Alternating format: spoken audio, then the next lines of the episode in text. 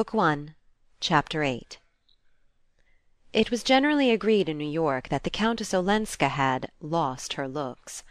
She had appeared there first, in Newland Archer's boyhood, as a brilliantly pretty little girl of nine or ten, of whom people said that she "ought to be painted." Her parents had been Continental wanderers, and after a roaming babyhood she had lost them both, and been taken in charge by her aunt, Medora Manson, also a wanderer who was herself returning to New York to "settle down." Poor Medora, repeatedly widowed, was always coming home to settle down, each time in a less expensive house, and bringing with her a new husband or an adopted child; but after a few months she invariably parted from her husband or quarrelled with her ward, and having got rid of her house at a loss, set out again on her wanderings. As her mother had been a Rushworth, and her last unhappy marriage had linked her to one of the crazy Chiverses, New York looked indulgently on her eccentricities; but when she returned with her little orphaned niece, whose parents had been popular in spite of their regrettable taste for travel, people thought it a pity that the pretty child should be in such hands.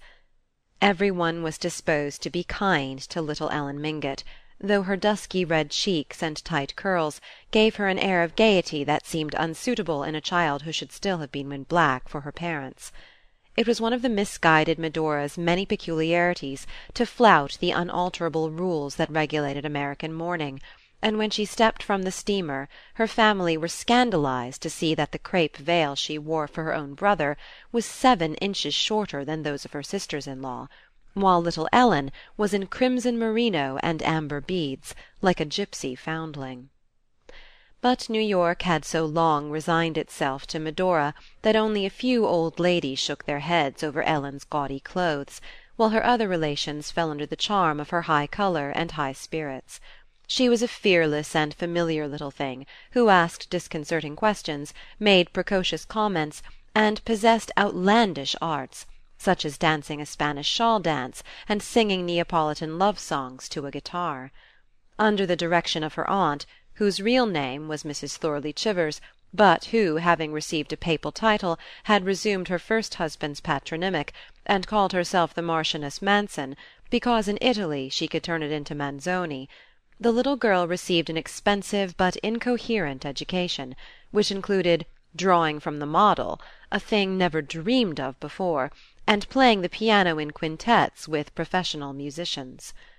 Of course no good could come of this, and when, a few years later, poor Chivers finally died in a madhouse, his widow, draped in strange weeds, again pulled up stakes and departed with Ellen, who had grown into a tall bony girl with conspicuous eyes. For some time no more was heard of them. Then news came of Ellen's marriage to an immensely rich Polish nobleman of legendary fame, whom she had met at a ball at the Tuileries, and who was said to have princely establishments in Paris, Nice and Florence, a yacht at Cowes, and many square miles of shooting in Transylvania. She disappeared in a kind of sulphurous apotheosis and when a few years later Medora again came back to New York, subdued, impoverished, mourning a third husband, and in quest of a still smaller house, people wondered that her rich niece had not been able to do something for her. Then came the news that Ellen's own marriage had ended in disaster, and that she was herself returning home to seek rest and oblivion among her kinsfolk. These things passed through Newland Archer's mind a week later, as he watched the Countess Olenska enter the van der Luyden drawing room on the evening of the momentous dinner. The occasion was a solemn one, and he wondered a little nervously how she would carry it off. She came rather late, one hand still ungloved, and fastening a bracelet about her wrist.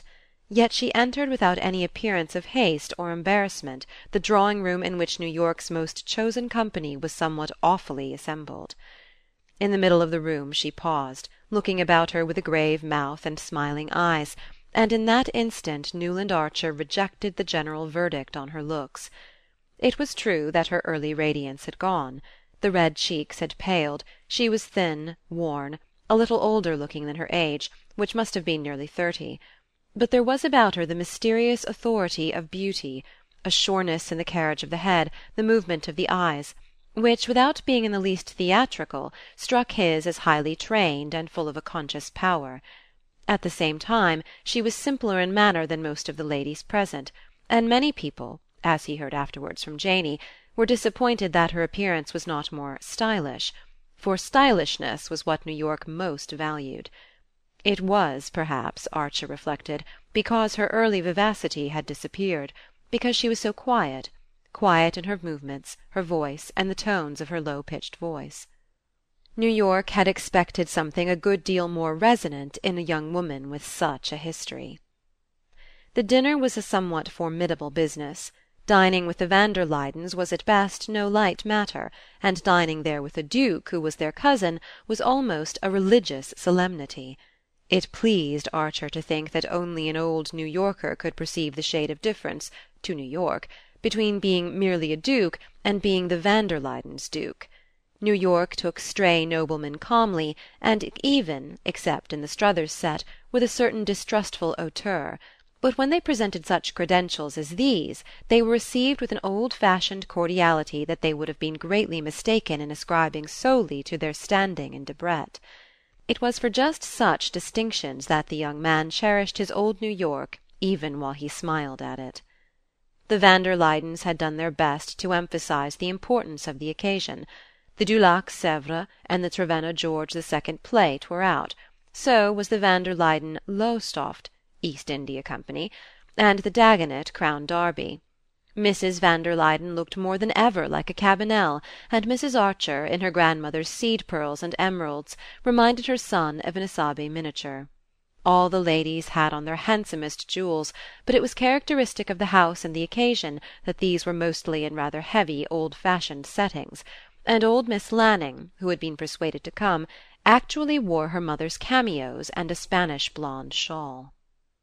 The Countess Olenska was the only young woman at the dinner, yet as Archer scanned the smooth plump elderly faces between their diamond necklaces and towering ostrich feathers, they struck him as curiously immature compared with hers. It frightened him to think what must have gone to the making of her eyes. The Duke of St. Austrey, who sat at his hostess's right, was naturally the chief figure of the evening; but if the Countess Olenska was less conspicuous than had been hoped, the Duke was almost invisible. Being a well bred man he had not, like another recent ducal visitor, come to the dinner in a shooting jacket, but his evening clothes were so shabby and baggy, and he wore them with such an air of their being homespun, that, with his stooping way of sitting, and the vast beard spreading over his shirt front he hardly gave the appearance of being in dinner attire. He was short, round shouldered, sunburnt, with a thick nose, small eyes, and a sociable smile; but he seldom spoke, and when he did it was in such low tones that, despite the frequent silences of expectation about the table, his remarks were lost to all but his neighbours. When the men joined the ladies after dinner, the Duke went straight up to the Countess Olenska, and they sat down in a corner and plunged into animated talk. Neither seemed aware that the Duke should first have paid his respects to Mrs. Lovell Mingott and Mrs. Headly Chivers, and the Countess have conversed with that amiable hypochondriac, Mr. Urban Dagonet of Washington Square, who, in order to have the pleasure of meeting her, had broken through his fixed rule of not dining out between January and April. The two chatted together for nearly twenty minutes; then the Countess rose, and walking alone across the wide drawing room, sat down at Newland Archer's side.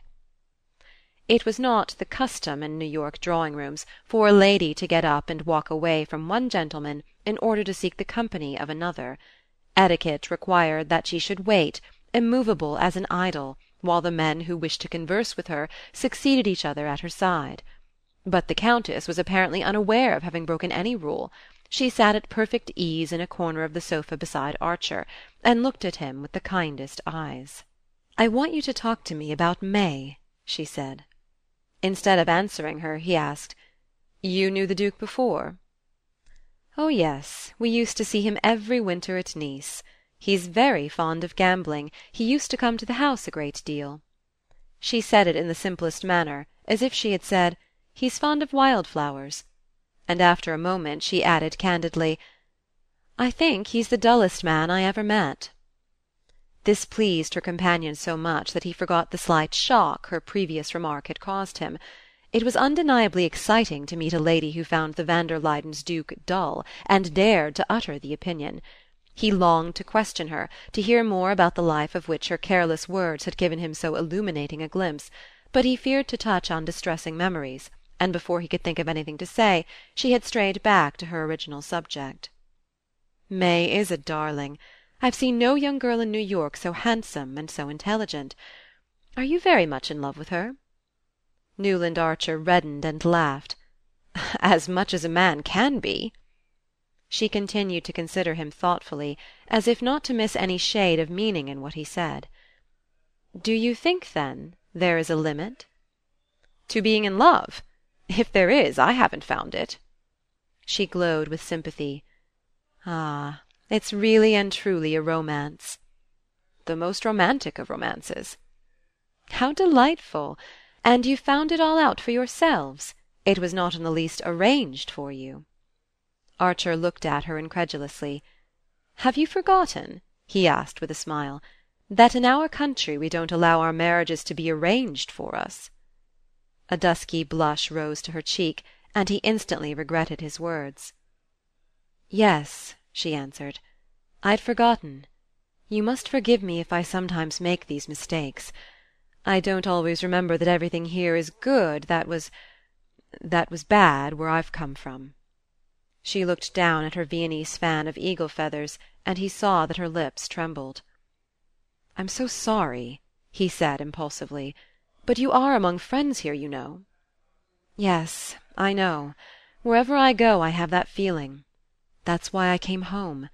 I want to forget everything else, to become a complete American again, like the Mingotts and the Wellands, and you and your delightful mother, and all the other good people here to night. Oh, here's May arriving, and you will want to hurry away to her," she added, but without moving, and her eyes turned back from the door to rest on the young man's face. The drawing rooms were beginning to fill up with after dinner guests, and following Madame Olenska's glance Archer saw May Welland entering with her mother. In her dress of white and silver, with a wreath of silver blossoms in her hair, the tall girl looked like a Diana just alight from the chase. "Oh," said Archer. I have so many rivals, you see she's already surrounded. There's the Duke being introduced." "Then stay with me a little longer," Madame Olenska said in a low tone, just touching his knee with her plumed fan. It was the lightest touch, but it thrilled him like a caress. "Yes, let me stay," he answered in the same tone, hardly knowing what he said; but just then Mr. van der Luyden came up, followed by old Mr. Urban Dagonet. The Countess greeted them with her grave smile, and Archer, feeling that his host's admonitory glance was on him, rose and surrendered his seat. Madame Olenska held out her hand, as if to bid him good bye. "To morrow, then, after five. I shall expect you," she said, and then turned back to make room for Mr. Dagonet. Uh, "To morrow?" Archer heard himself repeating, though there had been no engagement and during their talk she had given him no hint that she wished to see him again. As he moved away he saw Lawrence Lefferts, tall and resplendent, leading his wife up to be introduced, and heard Gertrude Lefferts say, as she beamed on the Countess with her large unperceiving smile, "But I think we used to go to dancing school together when we were children." Behind her, waiting their turn to name themselves to the Countess, Archer noticed a number of the recalcitrant couples who had declined to meet her at Mrs. Lovell Mingott's. As Mrs. Archer remarked, when the van der Luydens chose, they knew how to give a lesson. The wonder was that they chose so seldom. The young man felt a touch on his arm, and saw Mrs. van der Luyden looking down on him from the pure eminence of black velvet and the family diamonds. It was good of you, dear Newland, to devote yourself so unselfishly to Madame Olenska. I told your cousin Henry he really must come to the rescue."